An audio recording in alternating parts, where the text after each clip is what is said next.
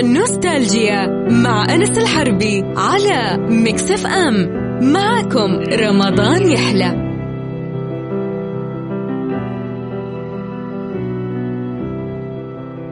يسعد مساكم وأهلا وسهلا فيكم في حلقة جديدة من نوستالجيا. معكم أخوكم أنا أنس الحربي. ومثل ما تعودنا في نوستالجيا قصة جديدة وشخصية جديدة نتكلم عن حياتها. وش سوت وإيش صنعت؟ وليش التاريخ سجلها ووصلها ليومنا هذا أكيد يعني. طبعا ناس حفرت اسمها في التاريخ. اليوم معنا قصة أبو نصر محمد الفرابي. شخصية عظيمة جدا لكن أغلب المؤرخين ما تناقلوا. قصة لا طفولتها الشخصية ولا مراهقتها ولا شبابها. روح الاسم هالشخصية هو أبو النصر محمد بن محمد بن أوزلغ بن طرخان الفرابي. ولد في بلدة وسيج بولاية فراب وهي تقع في كازاخستان حاليا. ولد محمد الفرابي سنة 258 للهجرة وعاش في العصر اللي ضعفت فيه الدولة العباسية وكانت ساقطة في ذاك الوقت الدولة العباسية وكانت على نهايتها. لأن ذاك الوقت أضعفت الدولة العباسية الترك والفرس والديلم والسلاجقة فأضعفوا الدولة العباسية وانتهت آه، بعدها التاريخ بشوي. كان أبو محمد الفارابي قائد صغير من قواد الجيوش السمنية وكان تركي الموطن فارس الأصل عربي الثقافة واللغة. كان محمد يتحدث بثلاث لغات من صغره الفارسية اللي هي لغة أجداده والتركية اللي هي لغة موطنه والعربية اللي هي لغة ثقافته. دخل أهل محمد في الإسلام وانتقلوا للسكن في إقليم فراب. وكان معظم سكان الإقليم من الأتراك والفرس والعرب المسلمين. وكان في بعض الدعاة هناك اللي ينشرون دين الإسلام وجنود الجيوش الإسلامية اللي استقروا في هالإقليم بعد ما فتحوا نشأ الفارابي في مزرعة صغيرة يمتلكها أبوه عن جدة وارثها. وحفظ محمد الفارابي القرآن في مسجد بإقليم فراب. ودرس فيه أيضا الفقه والحديث والتفسير ودرس بعدها الرياضيات وغيرها من المواد وأتقن قراءة اللغة العربية وكتابتها. لكن ما تعمق لا في قواعدها ولا في النحو ولا الصرف فكانت هي اللغة العربية اللغة السائدة في ذاك الوقت. فيعني زي الآن إحنا الإنجليش هي اللغة السائدة. فضروري على كل شخص إنه يتعلم اللغة العربية في ذلك الزمان. نشأ الفارابي نشأة علمية وثقافية جدا من جهة أبوه من جهة العلماء اللي كانوا موجودين في ذاك الوقت فتشبع من الثقافة العربية وكثير جدا من العلوم ومثل ما ذكرنا لكم إنه حياة محمد في طفولته وشبابه ما كان في أشياء كثير عنه أو ما ذكر المؤرخين أشياء كثير عن هالحياة أو فترة هالحياة كانت غامضة بالنسبة لنا. ويحكى إن في فراب كان يسكن هناك عالم مجهول الهوية يعني ما ذكرته الكتب لا اسمه ولا مين هو لكن عالم كان عنده كتب كثير في الفلسفة والمنطق والرياضيات وغيرها. وهالعالم كان شايب يعني آخر عمره؟ وقال بقضي آخر عمري في السفر فقاعد يدور شخص يحط عنده هالكتب اللي هي كتب العلماء يعني مجموعة كبيرة من الكتب.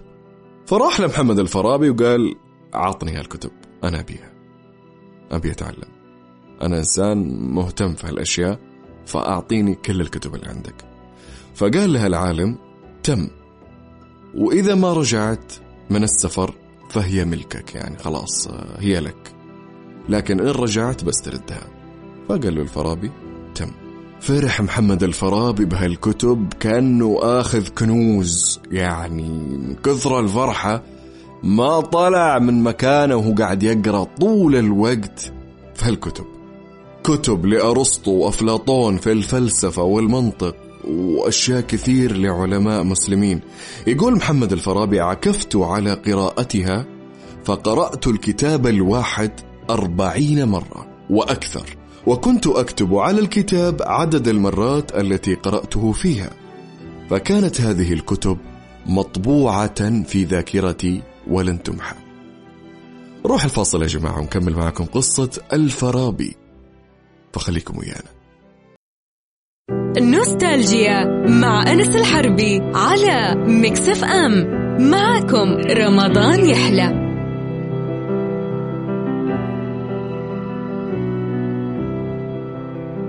ورجعنا لكم بعد الفاصل وأهلا وسهلا فيكم في نوستالجيا. قلنا بطل قصتنا اليوم هو الفارابي من أعظم العلماء اللي سجل اسمه في التاريخ. دائما أي شخص وصل بالشهرة لما بعد ألف سنة. هذا ما سوى شيء بسيط أبدا عشان يتسجل في التاريخ.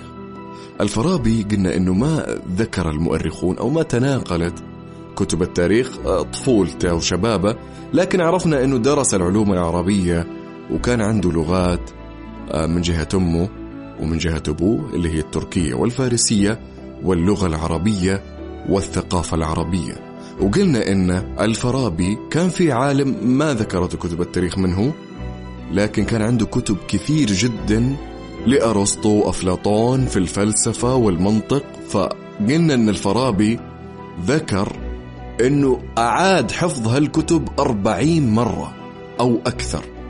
ويقول كنت أسجل كم مرة عدت هالكتاب لدرجة أني حفظته وطبعته في ذاكرتي. فحفظ هالكتب يعني صم صمها أكلها أكل. وبعد عشر سنوات الفارابي كان ينتظر هالعالم ما جاء يعني قاعد يقرأ هالكتب عشر سنين ولا جاء هالعالم. فقال توقع أنه مو راجع لأنه هالعالم أعطاني مهلة. إذا ما رجعت خلال كم سنة فهي ملكك. فأخذها الفارابي وبعد هالمدة الطويلة أصبح الفارابي يصحح في هالكتب يقرأ فيها ويشوف المعلومات يقول له هذا غلط هذا صح. من كثر ما تشبع في العلم وقارن بين هالكتب أو المعلومات اللي في الكتب.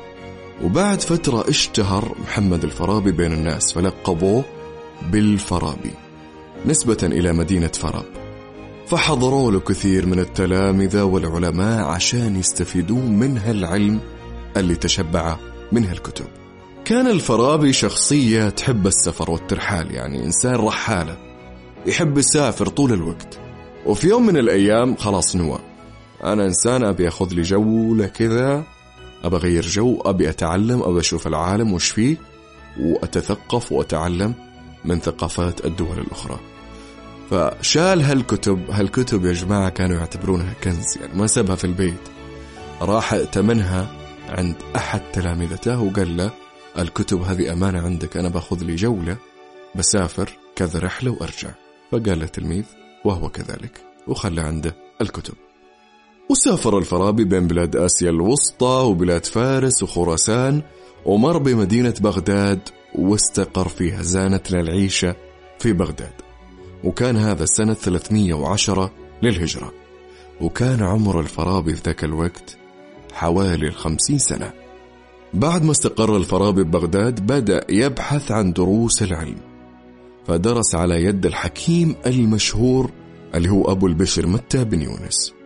وكان التلامذة يدرسون الفلسفة والمنطق على يدينا وكان الفارابي أكبرهم سنا يعني التلاميذ الصغار حوله وهو عمره خمسين سنة. فهم الفارابي على يدها الحكيم أبو البشر كتب أرسطو اللي قراها وحفظها لكن بعض كتب الفلسفة زي مثل كتاب أرسطو وأفلاطون كان يبي لها شخص يعني يتعمق كثير مو بس قراءة. ففهم الفارابي على يد أبو بشر متى هالكتب كلها. وفي يوم من الأيام سأل الحكيم أبو البشر الفارابي وعن إتقانها اللغة العربية وقال له ما شاء الله عليك يعني أنت تتكلم عربي زين وأنت لا أبوك عربي ولا أمك عربية. فقال لها الفارابي أنا متقنها قراءة وكتابة يعني منذ الصغر. لكني ما تعمقت يا أبو البشر في النحو والصرف والقواعد حقتها. بس أسولف يعني أسولف معك. أما قواعد جر وضم ما أعرف. فقال لها أبو البشر هذه عندي بسيطة. أبرسلك على صديقي أبو بكر السراج. وهذا عالم في اللغة العربية. روح عنده واجلس عنده فترة وتعلم. فانطلق الفارابي لأبو بكر السراج. طلبه أنه يدرس عنده اللغة العربية فرحب فيه فجلس عنده الفارابي تقريبا ما يقارب السبعة إلى ثمانية شهور. فأتقن اللغة العربية بقواعدها وبنحوها وبكل شيء فيها. لدرجة أن أبو بكر السراج قال له يا الفارابي تراك تعديتني فأشياء يعني من كثر ما تعمقت وصلت الأشياء أنا ما وصلت لها. أنا اللي مدرسك ما وصلت لها. وبعد منها الفارابي دراسته على يد هالعلماء سمع بالأستاذ يوحنا بن حيلان اللي كان يدرس الفلسفة والمنطق. فانطلق الفارابي وسافر له وكان يعيش في مدينة حران. وراح له وقال أبي أدرس على يدينك الفلسفة والمنطق. وكان ابن حيلان أيضا على معرفة بالطب. فبدأ الفارابي بدراسة الطب. خلص من المنطق والفلسفة وبدأ يدرس الطب على يد يوحنا بن حيلان. إلين أتقن الطب وبرع فيه. وشهرة الفارابي في يومنا هذا إنه طبيب يعني طبيب مشهور وعظيم جدا. ففي ثلاث سنوات أتقن الطب وهو عمره تقريبا 54 سنة. وبعد ما انتهى الفارابي وتفوق في المجالات خرج من حران ورجع إلى بغداد. نروح الفاصل يا جماعة ونكمل معاكم قصة أبو النصر الفارابي. خليكم ويانا. نوستالجيا مع أنس الحربي على مكسف أم. معكم رمضان يحلى.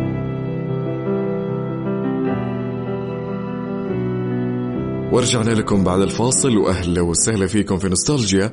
قلنا قصتنا اليوم عن أبو النصر الفارابي عالم من العلماء اللي حفر اسمه في التاريخ. تقريبا ذكرت كتب التاريخ أنه بدأ في مرحلة متأخرة دراسة الأشياء. كانت طفولته وشبابة وما بعد الشباب بشوي غامضة وما هي مذكورة في كتب التاريخ لكن هي ما بعد تقريبا قرابة الخمسين سنة أو ما فوق الخمسة وأربعين سنة بدأ الفارابي أنه يتعلم أو أنه يبدع في العلوم. قلنا تأسيس كل شخص مسلم زمان أنه يدرس القرآن والفقه واللغة العربية يعني هذه كانت أساسية في الحياة. لكن العلوم المختلفة الفارابي ما بدأ فيها إلا متأخرا.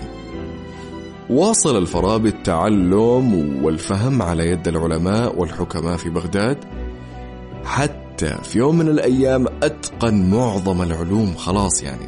صار من النخبة يعني صار بدرجة العالم أجاز من أكثر العلماء. أنت مجاز أنت مجاز. في الطب مجاز في الفلسفة مجاز في الرياضيات خذ مجاز. إلين اشتهر الفارابي في بغداد وبدأوا التلاميذ يجونه من كل مكان. ومن أشهر هؤلاء التلاميذ اللي درسوا على يدينا عالم المنطق الشهير يحيى بن عدي. أن الفارابي كل ما درس عند أستاذ أو عند حكيم تفوق عليه. كان عنده قوة حفظ وفهم عظيمة جدا. بعد انتهاء الفارابي من الدراسة في بغداد على يد الحكماء والأساتذة ودرس كثير من التلاميذ على يديه سافر إلى الشام. وكان هذا سنة 329 للهجرة. وكان الفارابي عمره في ذاك الوقت 70 سنة.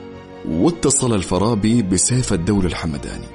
يعني كان قريب منه وفي مجلسه طول الوقت. فعاش الفارابي مع سيف الدولة الحمداني وكسب ثقته من شاف الفارابي يعني شخص فاهم في كل شيء. كان عالم عبقري في شتى مجالات العلوم. فقربه له سيف الدولة الحمداني وخلاه قريب منه كمستشار كشخص يرجع له في جميع القرارات. كشخص يرجع له في جميع القرارات. وذكرت كتب التاريخ إن الفارابي أتقن لغات كثير جدا. يعني في ناس تقول سبع لغات وذكر بعضهم إنه أربع لغات. المهم إنه ما تجاوزت تقريبا السبع لغات. شخصية يعني ما بدأ إلا متأخرا بالتحصيل العلمي لكنه جمع ثروة وعلم في مدة قصيرة جدا. أمضى الفارابي حوالي التسع سنوات في الشام. تحت رعاية سيف الدولة الحمداني وعاش حياته ما هو مهتم لا في ترف ولا في مال ولا في سلطة ولا يبي شيء غير العلم. فجلس الفترة ذي التسع سنوات قاعد يدرس فيها ويألف الكتب. وعاش حياته كلها يعني فقير جدا. الفارابي إن عرف عنه أنه كان جدا فقير في ذلك الوقت. لكننا يعني قلنا ما همه لا في مظاهر ولا في فلوس جيبوا لي كتب أبي أتعلم وأبي أدرس وأبي أكتب. أنا إنسان ما أبي أموت كذا. أنا الفرابي أبي اسمي يتسجل في التاريخ ويحكون عني ويروون عني الناس. وفعلا هذا أنا الحين نسولف عن كل فرابي. ألقاب لقب فيها الفرابي. قلنا الألقاب زمان ما كانت تعطى كذا يعني آه زمان في التاريخ اللقب ما ياخذه واحد إلا يا إنه من السلطان أو من علماء أو من ناس وفيها شهود إنه يعطيك لقب. أنت شخص زي المرسوم الملكي. لقب نكتب خطاب يلقب فلان ابن فلان بهاللقب. لقب محمد. الفارابي بألقاب كثير جدا. منها الفارابي لأنه ولد في فراب ولقب أيضا بفيلسوف العرب. لأنه كان عالم عظيم جدا. ابتكر أشياء كثير. قلنا درس الفلسفة من أرسطو وأفلاطون بعدين راح تعلمها من كذا شيخ ومن كذا عالم إلين أتقن الفلسفة وتفوق فيها وابتكر فيها. ولقب أيضا بلقب المعلم الثاني لأنه طلب منه جمع ترجمات أشرفت على التلف. يعني ترجمات قديمة باللغات اللي يعرفها فراجعها وترجمها كلها طبق الأصل قبل لا تتلف وجددها. فمن هنا أطلق عليه لقب المعلم الثاني. أنه استخلص الأول ولخصه أو نسخ عفوا ولخصه وزاد عليه نظرياته فلقبوه المعلم الثاني. أروح الفاصل يا جماعة وبعد الفاصل بنسولف إيش, إيش سوى الفارابي إيش أنجز من إنجازات ومؤلفات؟ خليكم ويانا. نوستالجيا مع أنس الحربي على مكسف أم. معكم رمضان يحلى.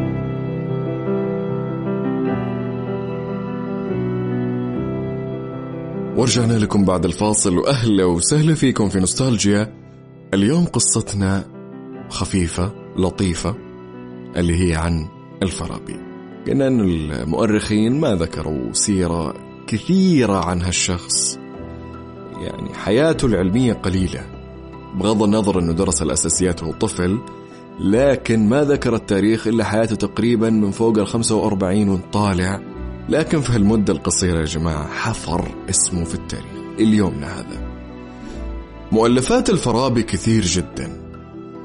شوفوا أنتم لاحظوا الفترة قصيرة تقريبا 20 سنة فقط أنجز فيها إنجازات جدا كثير. كتب الفارابي في علم المنطق سبع مؤلفات منها كتاب المنطق وكتاب البرهان وكتاب اسمه شرائط اليقين. هذا اللي يعني وصلتنا حاليا. وكتب في الخطابة والشعر مؤلفات منها شرح كتاب الخطابة لأرسطو. وفي المعرفة كتب خمس مؤلفات. منها موسوعة إحصاء العلوم وكتاب مراتب العلوم. وكتب فيما بعد الطبيعة والفلسفة العامة 13 مؤلف. منها اللي واصلنا الحين ما بعد الطبيعة أو كتاب ما بعد الطبيعة. الفيزياء كتب فيها أربع مؤلفات منها كتاب أصول علم الطبيعة. وكتب كتاب في الموسيقى اللي هو كتاب الموسيقى الكبير. وكتب في الأخلاق والفلسفة السياسية ست مؤلفات. آراء أهل المدينة الفاضلة والسياسة الدينية كثير جدا في الفلسفة بس هذه المعروفة منها للأسف يعني. معظم كتب العلماء يعني بعض العلماء كتبوا فوق 300 400 كتاب لكن ما وصلنا في زمننا هذا إلا تقريبا 10 30 كتاب من كتب هذول العلماء. أتلفها الزمن أو الاستعمار اللي حصل وغيرها من الأشياء والظروف منعت أن بعض الكتب توصل ليومنا هذا. توفي الفارابي رحمة الله عليه سنة 339 للهجرة عن عمر ناهز الثمانين سنة. وقال عنه الناس اللي حوله في ذاك الوقت إن الفارابي لهو معجزة تمشي على الأرض. يعني ختم أغلب العلوم والطب والفلسفة وغيرها والشعر وترجم كثير من الكتب وجددها. وكل هذا في فترة بسيطة جدا. وكان يحضر حلقات العلماء وهو عمره خمسين سنة من بين التلاميذ الصغار. عشان يطلب العلم وينحت اسمه في التاريخ. الفارابي ما اهتم بأي نوع من مظاهر الترف. ولا الأبهة ولا أنا أبي فلوس ولا أبي مال لا أنا أبي علم. أنا إنسان أبي علم. ومن هالأشخاص تطورت البشرية ووصلنا لما وصلنا عليه المستقبل بعد الله سبحانه وتعالى من ثم جهود هالأشخاص واكتشافاتهم وفناء حياتهم في العلم والتعلم. فرحمة الله عليهم جميعا. كانت حلقة خفيفة لطيفة. نشوفكم إن شاء الله الحلقة القادمة من نستالجيا. إلى هنا نقول سبحانك اللهم وبحمدك أشهد أن لا إله إلا أنت أستغفرك وأتوب إليك. في أمان الله.